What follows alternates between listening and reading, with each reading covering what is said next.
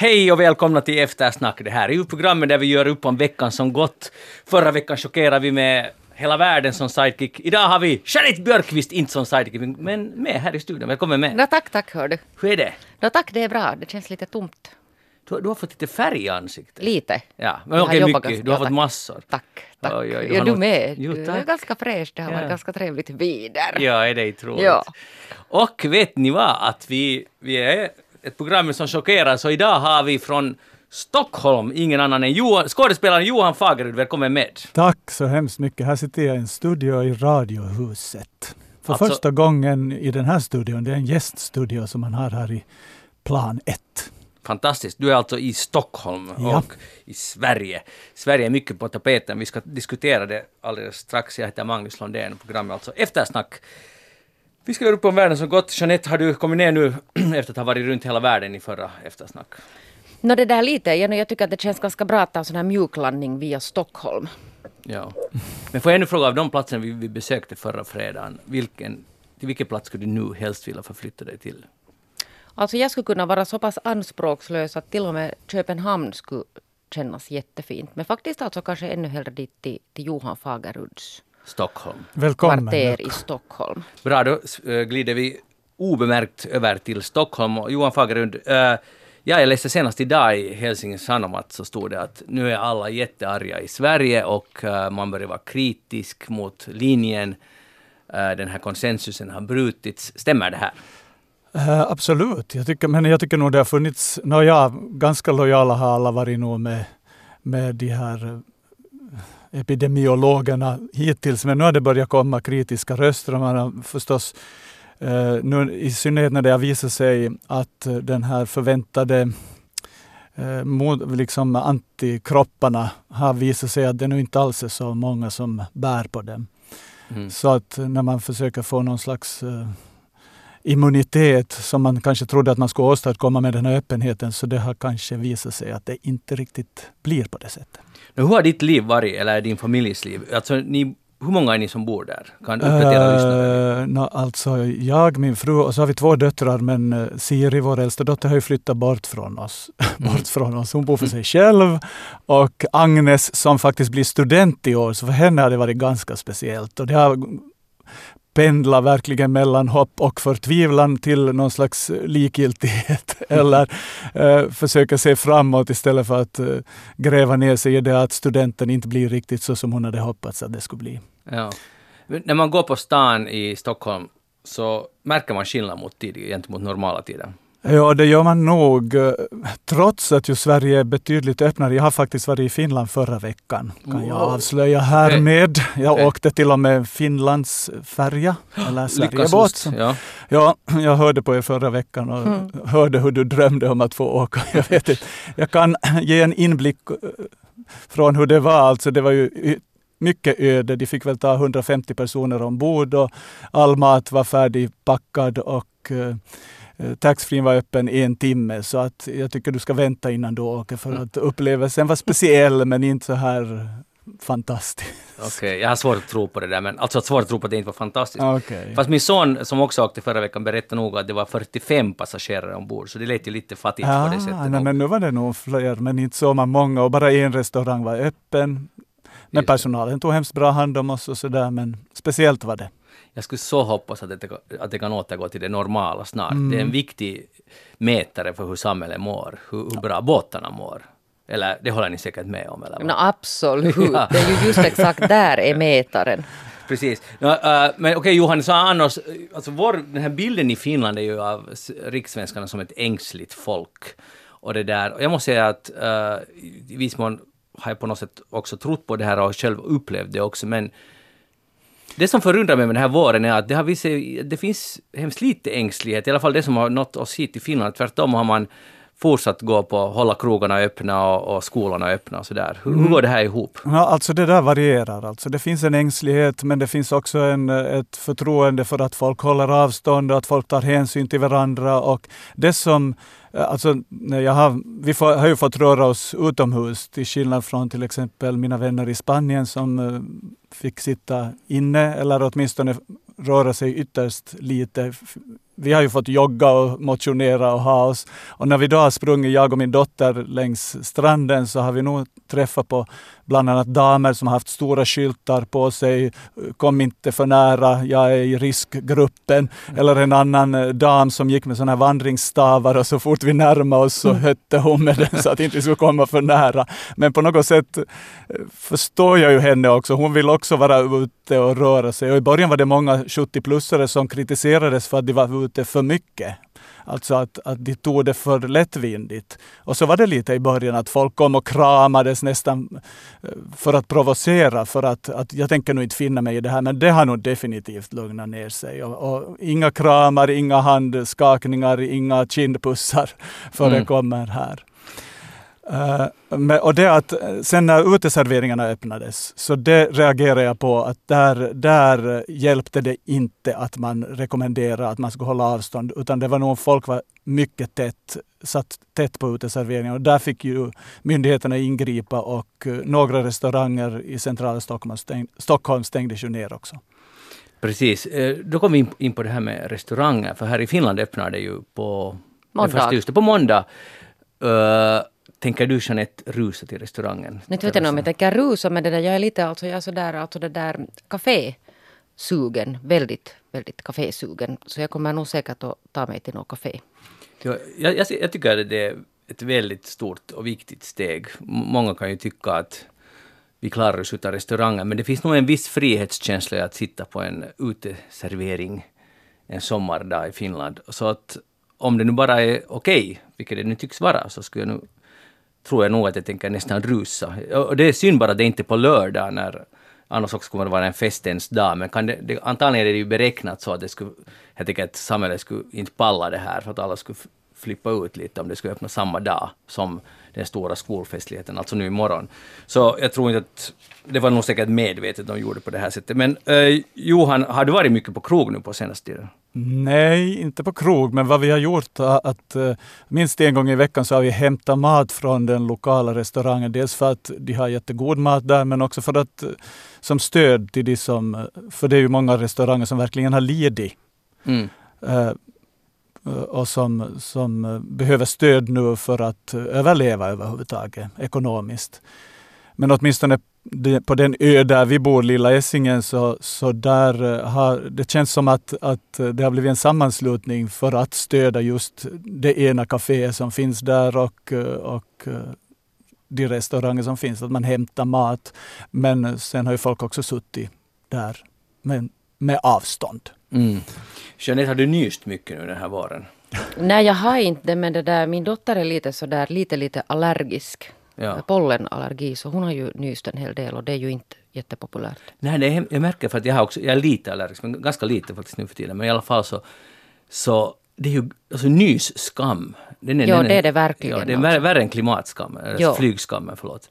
Så att det där, jag gör nästan vad som helst för att inte nysa i offentligheten. Och det där, och jag undrar nu hur ska det gå nu med nysande? För det, det måste ju fylla någon funktion det här med att man nyser. Alltså det är ju... Jo, jo, men till exempel om man får sån här skräp i näsan så nyser ja. man ju.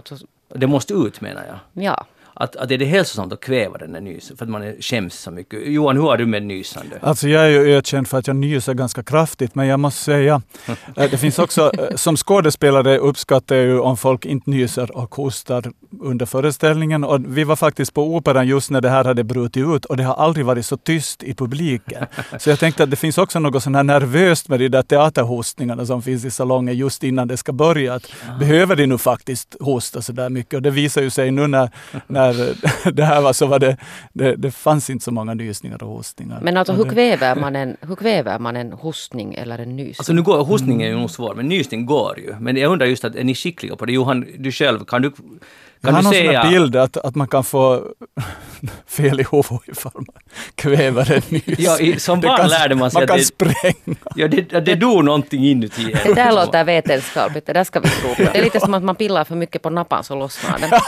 Men det gör den ju inte Jeanette. Nej, men så berättades det åt mig det trodde jag ganska länge på. Jeanette, sluta pilla på nappan. ja. det, det, men hon har slutat den Ja, jag slutar för jag blev rädd att den ska lossna.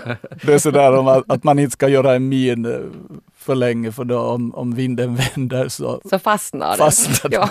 Eller om man slår bak i huvudet när man gör en grimas så kan man den också ansiktet fast. Ja, men vi skrattar åt de här jottorna, men jag tycker under den här tiden som vi inte skulle prata så hemskt mycket om, så har vi nog fått stöta på både den ena och den andra absurda teorin om, om hur man ska klara sig undan det här viruset. No, Men en lärare i lågstadiet, och det, var, det är ju ändå vetenskap eftersom en lärare, man måste kunna lita på sin lärare, så hon berättade åt oss för att, att hon varnade oss när vi inte hade tvättat håret tillräckligt ofta, att om inte man tvättar håret, hon kände minsann en tant som aldrig tvättade håret, hon alltid gjorde satt lack i håret så det skulle hållas på ett visst sätt. Och en dag så damp hon ner död till marken för att så här maskar hade ätit in upp hennes hjärna. Har du haft en lärare som har berättat sådana här Jo. historier? Och, och det där, men vi var så pass självkritiska på den tiden, vi trodde inte riktigt på det här, men ändå så var jag lite att det är nog bäst att tvätta håret. Men alltså vänta, vad var det där nu för att Joel körde ju något så här ett experiment, Joel Backström som också är Mm. sidekick han körde ju något experiment att han inte tvättade sitt hår på ett år. Och han lever mig veterligen ännu. Men var det månne den där hårsprayen då som var det där avgörande i den här berättelsen? Ja, lacken, ja. Att du inte tvättar och bara sätter på en massa kemikalier. Jag tror inte Hej, hej, hej, det där är något hon blandar med franska, vet ni, på 1700-talet när man hade peruker, så det fick vi också lära oss att där tvättar man inte håret utan man bara pudrar på lite mer och till sist så kom det maskar då under de där perukerna. Det är säkert det hon blandar med din lärarinna. Nej, nej, men ja, jag tror inte hon blandade, för det här var ju faktiskt hennes kompis. som det hade- obs, obs. Nåja, hej. eh, för att nu tala om tiden efter corona, vilket är den bästa av tider, uh, som vi helst av allt talar om. Och, och jag är med, väl medveten om att det kanske är tillfälligt, men låt oss fira så länge det går. Nu är ju läget i Finland ypperligt kan man väl nästan säga. Var det nu, 11 eller 17 i intensivvård. Det är inte roligt för dem som är där och kämpar för sina liv. Men på ett uh, större plan så är det ju ytterst trevliga siffror om man jämför med vad man trodde att det skulle kunna vara i det här skedet. Men i alla fall, jag var i en butik första gången, alltså i en vanlig butik, alltså inte en matbutik, utan jag vet inte, man går till en butik för att köpa ett par skor. Var jag igår i ett sånt eh, horrorköpcentrum. Och jag måste säga, det var ganska trevligt att vara i butik och se Har du inte människor. varit i butik här alltså? Nej, hemskt lite. Jag märkte... Är det dina nya skor? Det här är mina nya skor. Vad tycker du nu? De är jättesnygga. Jag skulle faktiskt säga dem. Det var lite sån här hässlinki som man säger före. Jag skulle berömma dem. De är mycket moderna. Det är ovanligt att du berömmer någonting jag har på mig. Ja, men de är lite sådär fräsiga. Vet du hur det gick till? Det var så att jag skulle köpa till min 13-åriga son och säga köp de här skorna. Och så han var inte alls imponerad. Och så sa jag köp nu de här skorna. Så till slut sa han irriterad köp dem själv om du tycker så mycket om dem. Och så köpte jag dem själv. Ja, så, att, så slutade den kampen. Och alla var nöjda. Men i alla fall var jag, eh, en annan sak jag ville observera från min nya, min nya insikt i köp i vad heter det, shoppingvärlden. Eh, Johan, joggar du? Ja, Aha, bra. Har, har du sådana kompressionsstrumpor som, som liksom ska påskynda återhämtningen till exempel efteråt? Nej, alltså jag har några sportstrumpor men jag tror nog inte att det är några lyxiga kompressionsstrumpor. Nej, det är något tunna syntetmaterial, konstiga. Men, Ja, eh, ja. men jag har hemskt bra joggingskor och det var en stor förändring när jag skaffade dem. Då blev det plötsligt lätt att jogga. Har du sådana som fjädrar, som Nå- en trampolin? f- Det är nästan som man flyger fram. Just det, det kallas fusk. Men, men, det, men, men faktum är att, att kompressionsstrumpor, jag har, jag har lite köpt det här konceptet. Och så, uh, mina förra hade fått hål, så skulle jag köpa nya. Och de skulle ha 50 euros för de här. Ja. 50 ege! Magnus för Lundén. strumporna. Ja, för strumpor. Magnus Lundén, jag, jag, jag recallar nu i mitt minne. Nå. Eh, förra året ungefär den här tiden, var det inte då du höll på med dina barfota jox? Mhm. Och då var det liksom bara barfota jox och inga några kompressionsstrumpor och inte heller någon sån här flashiga nya s- Ja. skor. Ja, just alltså, vad, det. vad hände med den här barfota? No, det hände ju det att jag skadade mig. Ja, Men jag, jag, ideologiskt tror jag ännu på den. okej. men, men inte just nu i praktiken. Nu men, tror du på kompressionsstrumpor som kostar 50 Ja, men jag, jag, jag, jag är jättenöjd för jag köpte inte dem. Ah, bra. Jag sa till och med att kassören, att, eller vad det heter, kassörskan, bu- butiksbiträde, de är för dyra. Och så köpte jag inte dem. Och så gick jag ut därifrån och köpte ett par för 12 euro från en annan butik. Men det var inga Ja, kompressionsstrumpor. det var, men de tar slut där vid foten. Alltså kan du förlåt nu berätta mig, vad är den här idén med dem? Nå, idén är att blodcirkulationen går snabbare om man återhämtar sig snabbare. Nej, vet du vad?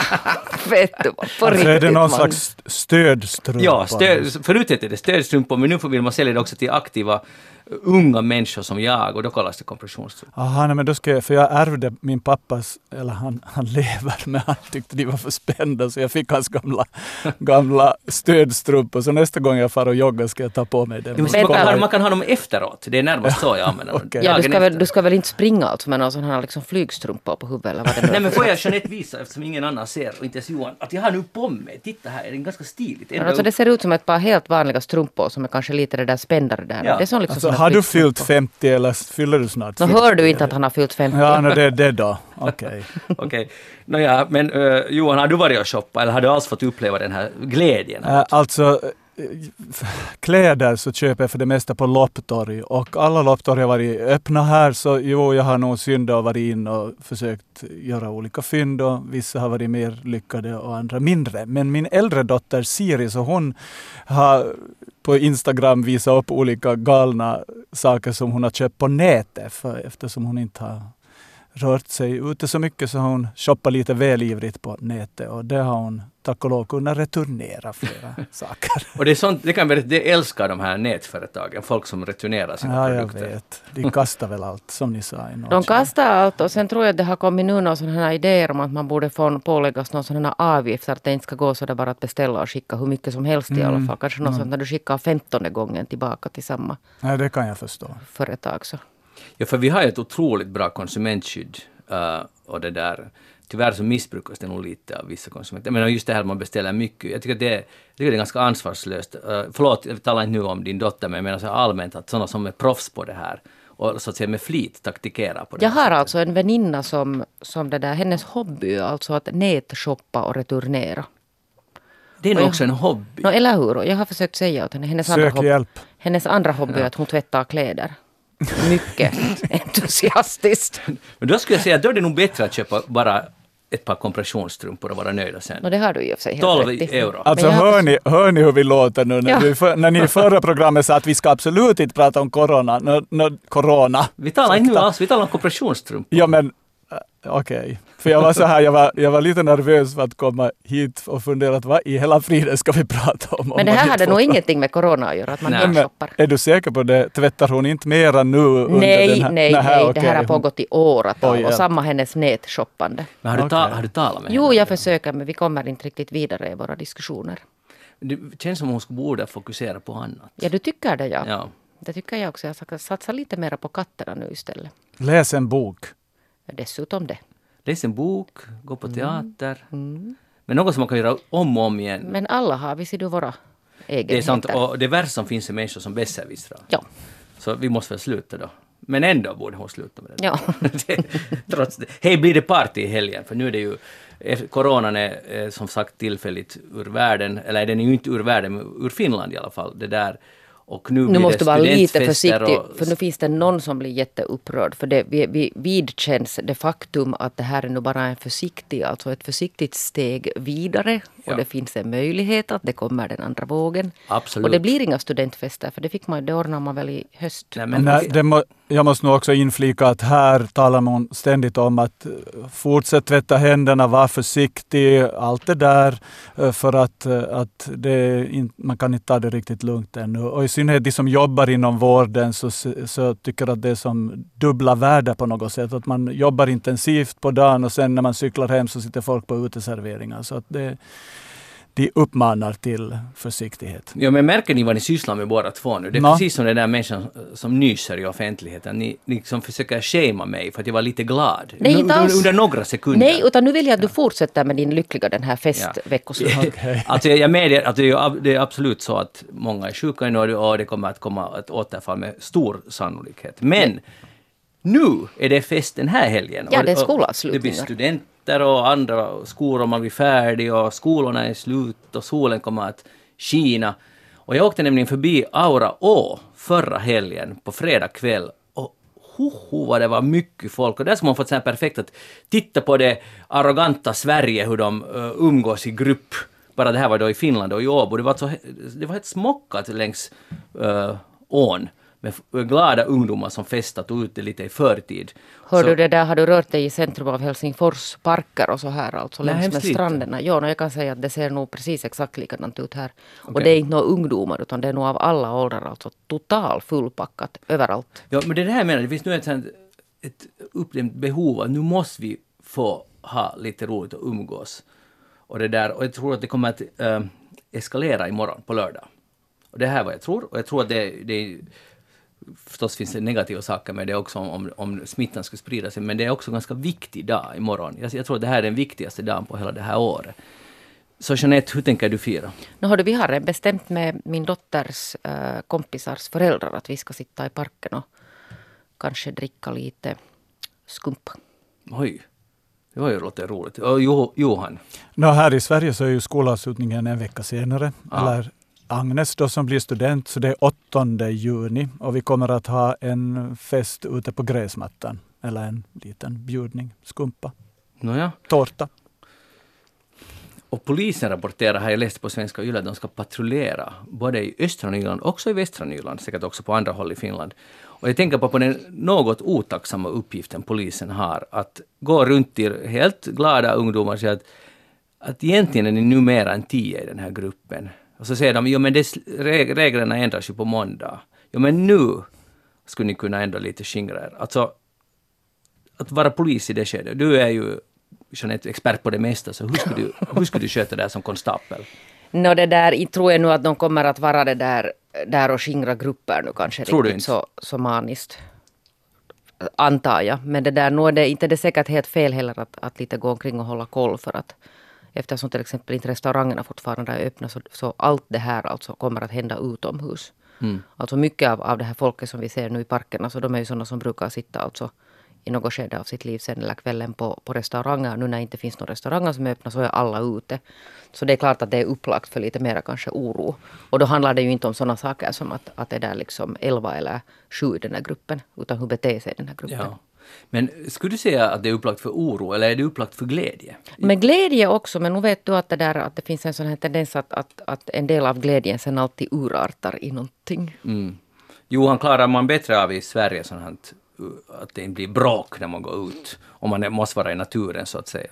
Mm, nå, det skulle jag nog inte säga. Sprit gör ju både ett och annat med oss människor och då kanske vi glömmer bort att bete oss. Eh, men eh, nej, inte skulle jag säga att det är så stora skillnader. Jag tänker på underbara första maj valborgsaftnar i Helsingfors där folk, eh, där, där har det ändå varit framförallt glädje som har funnits. Så jag hoppas att det är på samma sätt imorgon då. Mm. Vad de lovat för väder? Det hänger ju lite på det också. Om det ösregnar så sitter väl inte folk i parken. Nej, men vi har väl det svenska, alltså, Sverige på något sätt hjälper oss nu att ha vackert väder. Jag har inte riktigt förkovrat mig i den här teorin, men så sa Pekka Pouta på MTV3, alltså den här populära meteorologen, och han sa att, att Sverige på något sätt nu bistår Finland att ha sån här värmebölja. Mm. Och jag tror att det ska väl gälla den imorgon. Ska det vara jättevackert Det ska vara väder. fint väder imorgon och jag är glad för att också min mellersta son blir student imorgon. Och, och det var en av de, imorgon blir förstås den roligaste dagen, men det var nog också mycket roligt igår att få gå och köpa skumvin. Att titta riktigt på alla märken och, och, och välja och vraka och välja det bästa. Det, det kändes liksom relevant. Och, och min yngsta son, han påpekade att, att köp det billigaste. Det var hans råd. Men jag lydde inte honom. För att det här studenten är en stor dag. Hur, hur mycket skulle du satsa, Jeanette, när din dotter blir student? Vad får en flaska kosta? Nå, inte vet jag. Vet, du. jag är inte alltså lagd sådär att det är på priset, utan det där, man tar någonting sådär mittemellan, inte dyraste och inte Mm. billigaste. Uh, hur har vi det med Johan? Har du också redan köpt skumvinen? Eller Ja, champagnen? Alltså champagne, nej vi satsar ju på kava, vi är vänner av kava. Så Aha. att, eh, det är liksom gjort på samma sätt som champagne men eh, betydligt billigare. Så vi har en favoritkava som jag inte gör reklam för här nu men som vi har bunkra. Det är synd för lyssnarna skulle nog vilja höra Johan Fagerberg. Freshnay svarta. Nå, där kom det. Det var inte så svårt Som jag köpte på båten. Okej. Utmärkt. Jeanette Björkqvist, vad har du tänkt på den här Nu veckan? hade jag har tänkt lite på mänskligt beteende, för det tycker jag om att tänka på. Jag är ju sån här hobby socialpsykolog också. Det, det hände sig som så att, att det var någon sån här, eh, sån här signatur som kallar sig Jared. Eh, hade irriterat sig någonstans, månne det nu sen var i England eller, eller USA, men han hade fått någon sån här flipp på, på människor som inte för tillbaka sina sådana här köpvagnar i butiken. Mhm. Och så hade han gjort någon sån här jätteavancerad där teckning av, av den här köpkärre, alltså liksom på något sätt tekniken. Och utlyst att människor som inte äh, är kapabla att föra, ni vet när man går och så till exempel till matbutiken så tar man en köpkärra, går till kassan och så går man och skuffar den tillbaka där i den här långa raden. Men så finns det en massa människor som inte gör det och det var de här alltså då som han var mycket provocerad av. Och det här blev nu någon sån här alltså extrem succé med liksom över en miljon delningar. Och nu har det dessutom då alltså slagit igenom i, i det där i finska medierna refererar också det här och så, så går man ut då och gör en sån här analys att vad är det för människor som det där som inte klarar av att föra tillbaka sin, sin köpkärra. Och det är då alltså någon sån här totalt, alltså som den här Jared anser värdelösa, att de är inte liksom värda att existera i det här samhället. Att om man är en så dålig människa att man inte klarar av att föra sin köpkärra tillbaka. Och det här har nu sen då urartat i någon sån här, jag orkar inte läsa allt det här men det är jätte, jättestor debatt på Twitter. Nå, vad tycker du Jeanette, ska de här människorna få leva som inte för tillbaka Ja, jag tycker köp? ju nog att man ska få leva och det där. Jag förstår ju att det finns liksom någon sån här... Det här är nu alltså det, det, de flesta alltså i den här tråden ansåg att, att man absolut, alltså det, det ingår liksom på något sätt i mänsklighetens grundpelare att, att man för tillbaka sin köpkärra. Ni förstår att det här är stora saker nu. Och så fanns det då den här minoriteten som på något sätt försökte det där äh, försvara att det kanske finns till exempel en orsak att man inte för tillbaka sin köpkärra någon gång. Men de blev alltså då helt nedröstade och också utlysta som ganska sådana värdelösa. Ska vi göra en snabb koll med Stockholm? Eh, Johan, för du tillbaka din köpkärra? Absolut. Men på de flesta ställen så har det ju löst problemet genom att man sätter i en slant, en, ett mynt i köpkärran när man tar den. Och så sparsam som jag är så får jag nog alltid tillbaka den för att få tillbaka min slant. Men den Men- går att lura det där slantsystemet, hör du. Jaha, nå, så smart har inte jag varit. Men alltså, jag tycker att det där är det lömskaste och sämsta som människan hittar på, eller mänskligheten faktiskt, är det det här att man måste ta en slant i. För vem har nu för tiden, jag har jättesällan mynt med mig. Och sen kan man ju ha de där poletterna, men jag har inte varit så smart än att fixa såna. Så där står man sen och ska göra veckans uppköp och, och är ganska sur på allt. Och då hoppas jag just på såna värdelösa människor som har lämnat efter sina vagnar som jag kan nappa istället. Men Förstår du? eh, talar ni nu om shoppingställen där, där man tar ut sin vagn och kör den till bilen och sen lämnar den där på parkeringsplatsen? Det För att i de affärer här i Stockholm där jag handlar så är det ju så små affärer dels så att man kan ju inte lämna dem i korridorerna där utan folk tar automatiskt den genom kassan och så för man, den, Mm. för man bort den. No, det finns ju olika, men Jeanette, är du sån att du alltid för tillbaka? Nå, det där, jag skulle säga att kanske 95 procent av gångerna, men till exempel just i sådana här ställen där, som Johan refererar till också, där man för sen till, till det där bilen och jättemycket saker och på något sätt jättestressad, så kan det hända att jag ibland bara sätter den där någonstans vid väggen så att Magnus Lundén kan. Aha, Plocka det var den du som lämnade åt mig. Hyggligt. Bra, Men jag är alltså en värdelös människa för jag har ju gjort den här synden då. Men i regel för jag ju nog tillbaka. Ja, men o- om du nu försöker tänka dig in i den människans situation, eller inte situation, men i dess tankesätt. Varför skulle man inte föra tillbaka? Ja, alltså ja. någon som konsekvent inte för tillbaka. För jag förstår inte riktigt heller, det är lite No, arrogant. där fanns alltså någon här idéer om att där man försöker sån här, lite det där som att inte städa äh, kafébordet efter sig om man är på sådana ställen där man borde föra sin bricka. Så lite sån här sysselsättande effekttänk var tydligen alltså ett. Som de här butiksanställda sa att det funkar inte så. Att där finns inte, alltså I regel så finns det inte människor som, som har i uppgift att springa. En del butiker, sådana här stora kedjor har ju människor som har i uppgift att springa och sköta om de här kärrorna. Men du, du har ju själv sagt att du är en sån lunchmänniska, att, att du, städar, du vägrar städa upp efter dig. Men nu alltid så där konsekvent med det där. Jag är lite så där, men, men den där kärran får jag nu tillbaka. Jag så du, inte du är så 50-50 person. 50-60 som, Matti, 50-60, ja. som Matti Nykänen skulle ha sagt. Okej, vi går vidare till Stockholm. Johan Fagerud, vad har du tänkt på den här veckan? Nej, det var lite intressant att du började prata om dina kläder och dina skor. För jag har ju tänkt på, och lite så här som Jeanette funderar på, mänskligt beteende. Vad uttrycker vi med våra kläder? Jag läste idag en fantastisk text av Fredrik Strage i, i DN om hur han hade blivit bemött eh, på gatan. Det kanske har att göra med att alla är ganska stressade just nu och nerverna är på ytan. Men han gick med sin barnvagn och sin lilla son och de hade det väl gemytligt på gatan. Och så plötsligt så var det tydligen en man som tyckte att, att de bredde ut sig alldeles för mycket, så han ropade åt honom ”jävla bög” eller något sånt, skrek han. Och Fredrik reagerade som att aj, eh, han tog det som att jag är klädd på ett visst sätt så att han trodde att jag är homosexuell. Att han tog det som en komplimang för han tycker att de klär sig så mycket bättre än heterosexuella. Eh, men eh, den här mannen bara fortsatte och skrek eh, bög.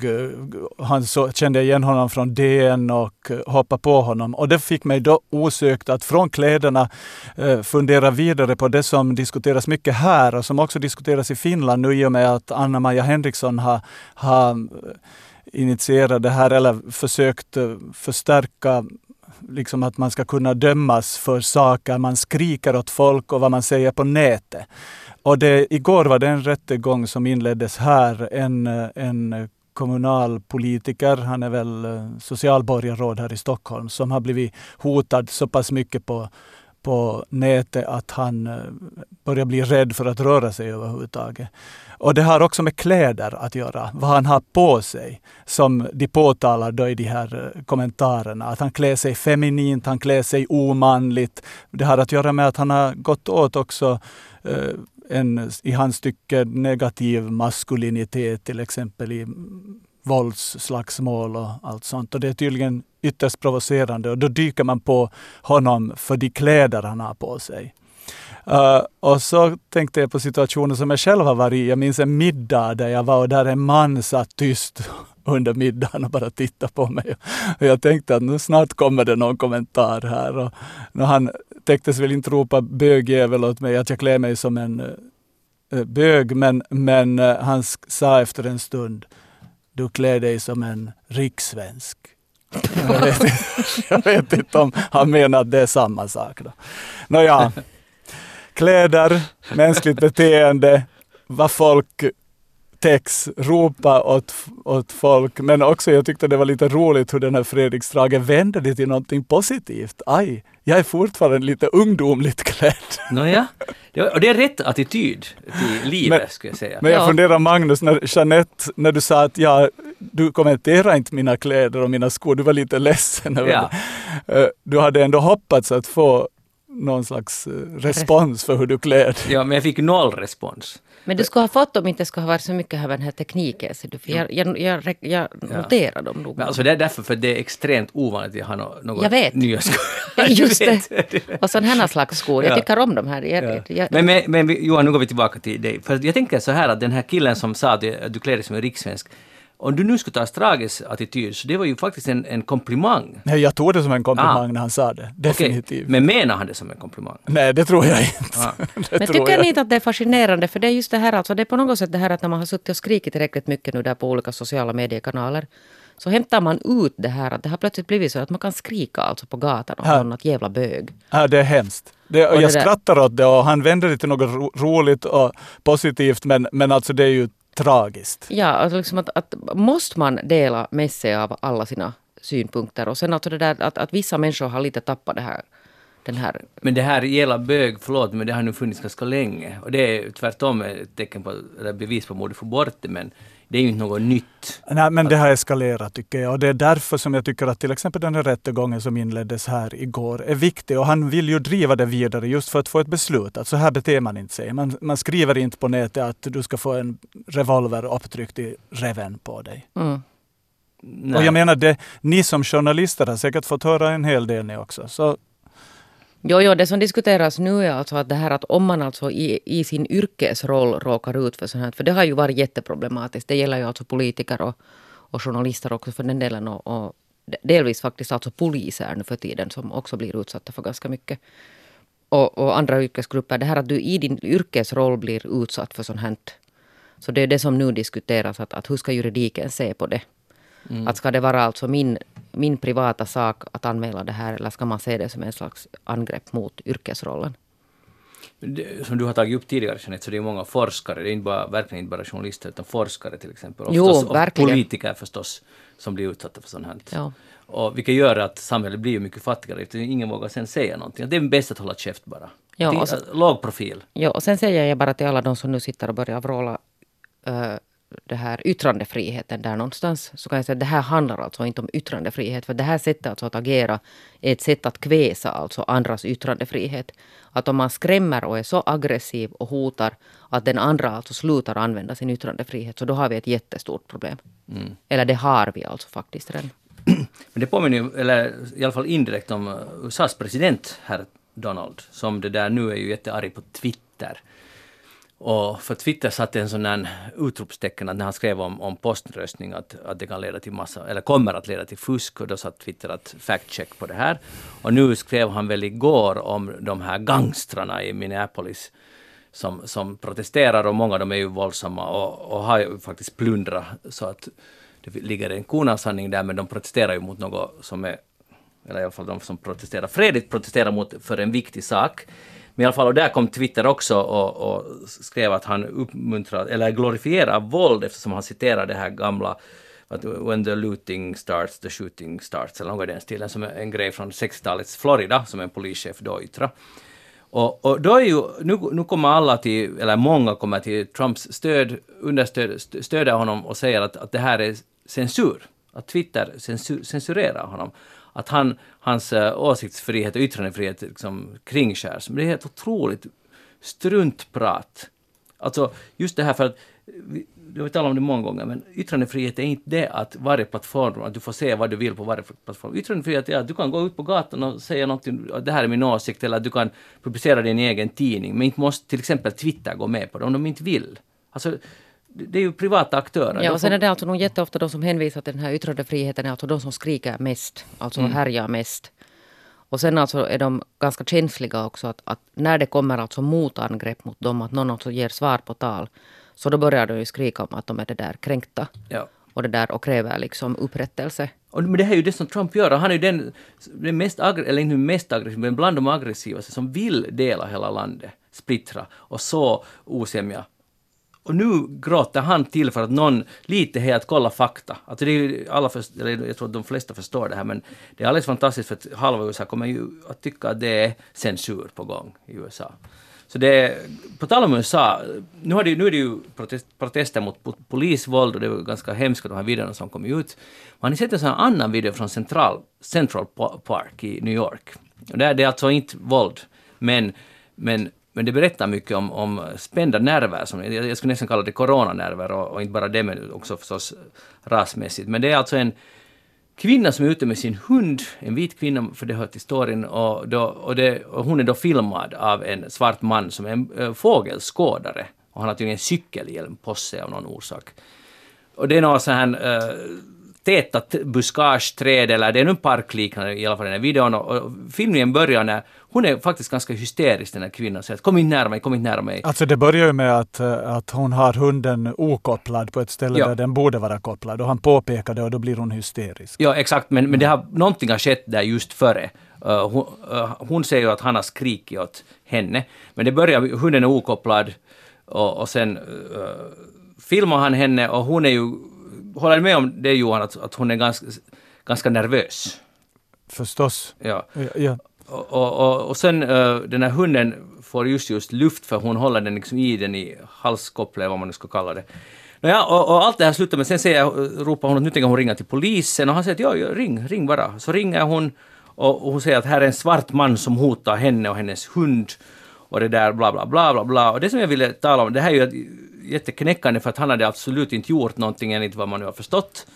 Uh, och hon reagerade antagligen mest på att han var en... Hon blev skrämd av honom. Möjligtvis då på grund av hans hudfärg.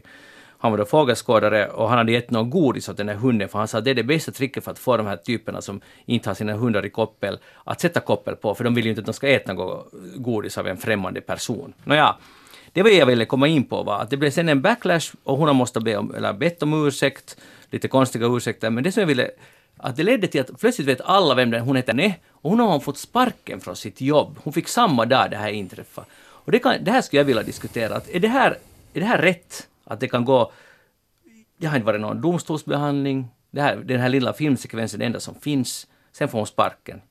För att företag går ut med att säga att det här är inte vad vi står för. Vi är emot all form av rasism. Jeanette? Nej, men det här är ju alltså, det här är ju just det som har hänt alltså. Det här var kanske ganska allvarligt och där finns alltså en strukturell, alltså ett strukturellt problem i det här med, med, med hur, hur man ser på svarta, alltså USA. Uh, men det här alltså att man, begår, alltså att man går sådana rättegångar i sociala medier där inte en enda alltså jurist eller domare är inblandad. Att det är liksom sådana allmänna rättegångar. Och det pågår ju hela tiden alltså i olika skalor. Mm. Och, och, det är ju inte särskilt bra. Nej. Johan, vad tycker du? Du har sett den här videon. Alltså jag, jag håller med dig Magnus att det verkar ju vara som att nerverna är verkligen på ytan nu. Så det behövs bara lite så kommer det fram sidor som man själv blir skrämd av att komma fram. Har du sett de här videorna på folk som blir galna och hostar på, på myndighetspersoner när de inte får sin vilja igenom eller när de, det finns också sådana ja, videor. Ja. Uh, och hon var väl olycklig själv för att det, hon blev som hon blev. För att hon, var, hon säger ju jag är demokrat, jag röstar på Obama, att hur blev jag på det här sättet? Så att det berättar ju lite om oss människor också, vad som finns där under den här polerade ytan och som kommer fram. Och som Jeanette säger alltså, som svart man skulle jag ju vara livrädd för att uttrycka mig överhuvudtaget eller för att eh, där, på tal om kläder, hur du går klädd. Ja. Är du klädd i kostym, ser du ut som en jurist så blir du behandlad på ett sätt, också som svart. Men om du är klädd i hoppari, vad heter det på men alltså någon slags eh, täckt huvud eller någonting, munkjacka, eh, så blir du genast betraktad som eh, en brottsling och hotad till livet. Så att, ja. ja. Och det är samma den här svarta killen som är ute och joggar. Ja. Och sen blir han uppjagad av två grannar eller vad man, som bor där i området. Den här videon är ju helt fruktansvärd att titta på knäpper honom sen där på nära håll eller efter en sån här slagsmål. Så det är ju möjligt, nu har det pågått i tre dygn de här protesterna och det börjar sprida sig och den, de har helt fel president för att lugna ner de här stämningarna. Tvärtom kommer han bara att underblåsa den för att han vet att han får också stöd om han kallar dem alla, alla de där för gangstrar. Då, då, då får han sitt stöd. Att han har ingen som helst ambition att ena folket. Nej. Nej. Så det, det, det och, och, jag tror faktiskt att det här hänger ihop med corona lite. Som du sa Johan, att det är den här nerverna som är där på ytan. Så nu får... No, inte när det gäller den här kanske sån här övervåld mot svarta alltså från poliser nej, i USA. Nej, den har ju funnits uh, jo, länge, länge. Ja, det, absolut. Ja, ja. ja, nu hade jag fel. Hej, uh, inrikesresor. Är det inte lite stökigt nu det här med vad regeringen nu tycker och säger om rekommendationer. Får man resa eller får man inte? Eller ska vi säga, man får resa, det vet vi alla. Det beror på vem man lyssnar på. Ja, men vem skulle du vilja lyssna på? Jag lyssnar nu på den här Anna-Maja Henriksson som sa att, att åk till stugorna bara. Ja. Och sen den här, vad heter hon vänster, den här Pelkonen, Anna-Kajsa Pelkonen heter hon så. Mm, Som också hade varit på stugan och skickat ut någon, någon bild på någon social mediekanal och fått jättemycket nu. Alltså det blev, det blev jättemycket liv om det. Ja, min rekommendation skulle vara att nu blixtsnabbt skriva ut en rekommendation. Just att folk med gott samvete kan åka till sin stuga eller åka till Imatraforsen och titta på den, eller vad man nu vill göra. Om det är okej okay, så är det okej, okay, men det kan ju vara så här, det är liksom lite olika. Och sen tar folk de här rekommendationerna som, lag. som lagar. Men jag måste säga att jag såg igår att hade de på på finska kvällsnyheterna hade de direktsändning till Vilman strand. För jag var lite sådär spänd att vad tänker man nu sen där då? Och där hade de stadsdirektören som sa att tervetuloa tänne. No just ja, där det är, är företagarna väntar på det där. Och förstås alltså med att iaktta alltså de här alla, alla liksom hygien och säkerhets och allt det här. Men att de väntar och, och vi ska komma dit till Karelen sen eftersom de sa att vi är välkomna. No, bra, och då känner man sig välkommen också. Ja. Och, för jag hoppas att det här kan bli alla tiders inrikesresa, semester, alltså sommar. För det finns otroliga möjligheter i Finland och liksom i Sverige. Och det där. Men nu, nu måste det kommer en rekommendation att res med tvätta händerna och, och säg nu vad ni vill men, och, och, alla ska följa det och så vidare. Men det är viktigt att det skulle komma tydligt. Och så ska vi inte lyssna på de här sen som säger att alla andra kan resa utom nylänningarna. Att ni behöver ja. inte röra på er. Det där, uh, Johan, kommer du att resa i Finland eller Sverige? Vi kommer att åka till vårt sommarställe i Finland och vi kommer att vara i karantän på vår i vår trädgård i två Mm. veckor meddelar jag härmed. Men här i Sverige har det ju varit nog, Löfven har ju pratat om att max en timmes bilresa, max två timmars resa från Stockholm just för att inte belasta sjukvården i andra kommuner. Men det som man har diskuterat mycket är ju Gotland alltså. Gotland vill ha turisterna men de vill inte ha stockholmarna. Så det, det är lite dubbla budskap där också. Det är ju, Åland är ju till exempel också mycket beroende av att turisterna skulle våga komma dit. Men jag vet inte hur, hur gärna de vill ha svenska turister. Nej, men, för, men om det skulle lyckas med att folk reser lite och, och gör det på ett tryggt sätt, så skulle det kunna förhindra att många äh, näringar som är helt beroende av turism går under. För att förutom påsken har det ju inte varit högsäsong nu. Och det, jag tror att det skulle fixa sig om sommaren blir kanon. Så tror jag att många, både krogar och, och inte vet jag, städer som Hangö och Yteri och alltså Björneborg och, och vad heter nu, Yteri, Fagerö och att de, att, inte Fagerö, vad heter Yteri nu igen? Ah, Nåja, men i alla fall Björneborg, utanför Björneborg, den här sandstranden, att de här alla skulle överleva helt bra, för att det har ju inte ännu varit sommar. Så det, allt, det går att fixa sig ännu. Så det där, det hoppas jag att det nu mycket snart kommer eh, direktiv om den saken. Det där, ska vi gå vidare? Ja, tack. Jag köpte ju, kom ihåg, vi talade om vedhuggning. Ja, Ja, och sen på Eftersnacks eh, Facebook-sida så skickade en lyssnare in att köpa en sån här yxa. En finländsk uppfinning, nu kan jag tyvärr inte säga vad den heter, men den fungerar enligt hävstångsprincipen. Så den ser ganska bisarr ut. Johan, har du använt någonsin en sån här yxa? Nej, men Okej. jag har en far som köpte en sån här eh, eldriven klyvare och han var överlycklig när han använde den. Ja, det, det talar vi också om då. Och vi förstår att många vill ha såna. och behöver. och, och behöver. Men jag, jag var då lite emot det. Men nu köpte jag den här yxan. Jag lydde det här rådet från, från ehm, en lyssnare och jag märkte då på tal om priser att om man, den är alltså en finsk uppfinning. Man kan köpa en yxan som är gjord i Finland och den kostar ungefär 140 euro. Så kan man köpa samma modell som vi gjorde för den nordamerikanska marknaden. Den, men man får köpa den också i Finland. Den kostar 40 euro. Så det var 100 euros skillnad. Och den där finländska var tyvärr slut så jag kunde inte köpa den. Så jag köpte den mexikanska. Och en ny värld har öppnat sig för mig. För att nu kan man alltså hugga enorma kubbar, men man skalar dem. Fattar ni? Man tar, om man har en, tänk er en 40 centimeters sån här kubbe som man ska hugga, så tar man inte i mitten, utan man börjar med att ta, skala av från början och sakta jobbar man sig inåt. Jeanette, du ska Ja, få lite sådär som en kaka. Kakbit. nå lite, ja, men man tar från sidan liksom. Man, tar, man hugger inte inåt alls. Nej, nej, jag förstår. När har du födelsedag? Nå, den där, den for ju just. Men nästa år har jag igen födelsedag. For det just? Men du, du kommer inte ihåg den, så det gör ju ingenting om du uppvaktar mig senare. Men om jag skulle ge en sån här, skulle du använda den? Nå, förstås. Skulle du, du, du tycker ju om att hugga Ja, jag tycker jättemycket. Det är lite dåligt bara att hugga där i Töle. Det finns inte så många träd att hugga där. Du ska få en sån. Johan, vem tycker du att, nu byter jag samtalsämne, men det där, brukar du rätta människor som begår språkfel? Um, ja, men menar du i situationen när man, när man pratar med dem? Ja. Nej, det brukar jag inte rätta språkfel där och då. Nej. Inte, inte till dina barn? Jo, det kan nog hända. Nåja. Ja. Och Jeanette, de rättar mig Ja. om jag talar engelska, men Bra. det är en annan sak. Eh, ja. Texter. Texter får jag mail med i sä- särskrivningar så får jag lust att, att skicka en rättelse, men jag gör det inte. Men det är lite, lite så här pärt eh, Ja, inom lite. Det. Ja, jag, jag förstår. Särskrivningen, man, blir, man mår nog inte bra av det.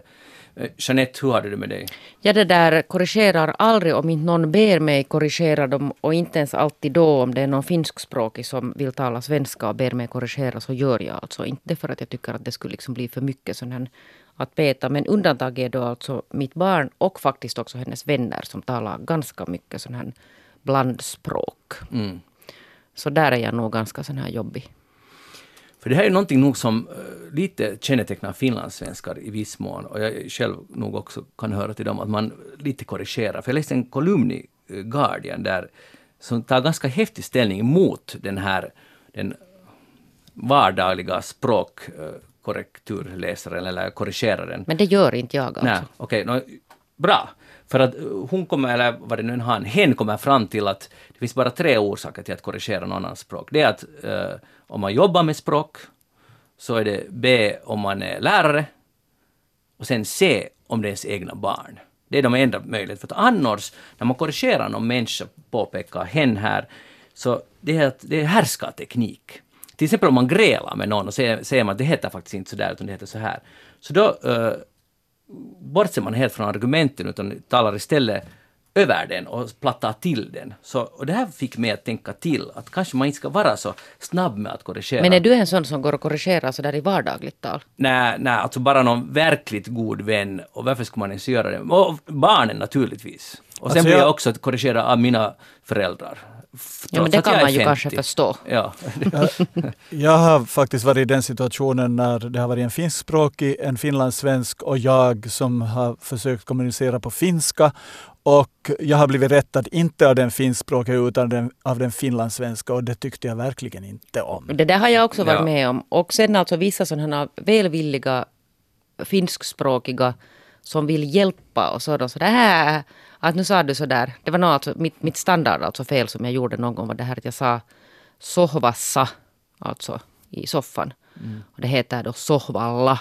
Det har jag Hur verkligen. kunde du säga? Ja, hur kunde jag? Ja. Och sen den här, den här vitsen om att Hunette sa sohvassa, för det kan man inte vara alltså sohvassa på finska, att jag är liksom helt döber. Ja. Så det gör jag ju alltså inte det här. Men sen sa jag att, att nå, det är ju liksom, så, så, och sen sa de att det är för att jag talar annars så jättebra finska, att hon ville nu bara lite hjälpa mig Aha. när jag nu en gång gjorde ett fel. Och det stämmer ju alltså inte, nu gör jag ju fel på finska. Men jag är tacksam för att du sa det där med Sohvalla, för nu vet jag också det. Ja, för att man kan inte vara i, liksom, då är man på något sätt liksom dit under kuddarna.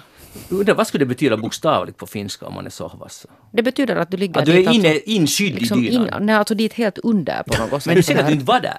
Nej, jag var inte. Jag sa det också, men om man är riktigt alltså nersjunker i det här. Sen har vi nog hållit på liksom och grälat om det här. Det är alltså det är många år sedan det här. Och det fortfarande dyker det upp den här. När jag sa sohvassa. Ja. Men det som Johan sa är också ett jätteintressant fenomen. Besserwisser finlandssvenskar som rättar andra finlandssvenskar för Nej, deras det finska. hatar jag. Ja, Ja, på samma finska här. menar du? Ja, på finska. Ja, det är jättedåligt Och beteende. flinar åt det dessutom. Ja, så vad ska vi göra Johan åt det här? Nej, men det viktiga är väl att vi förstår varandra på något sätt, inte att vi just... Nå, där och då man kan ordna en skild liten språkkurs för mig.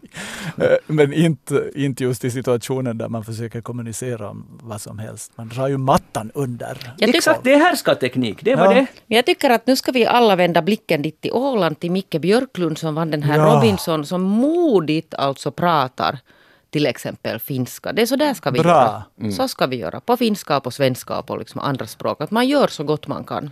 Och det är ju nog hans eh, livsattityd på något, den skiner så igenom. Det är Jag helt älskar rätt. honom. Han är Och här, underbar. hela Sverige älskar honom nu också. Och hans snällhet och hans godhet och alla unnar honom hans seger. Ja. vitsig man blir glad.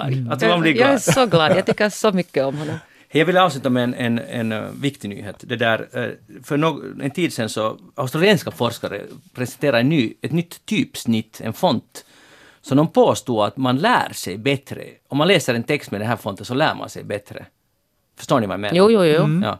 Och den, var lite, den är knepig den här fonten. Den heter dessutom Sans Forgetica.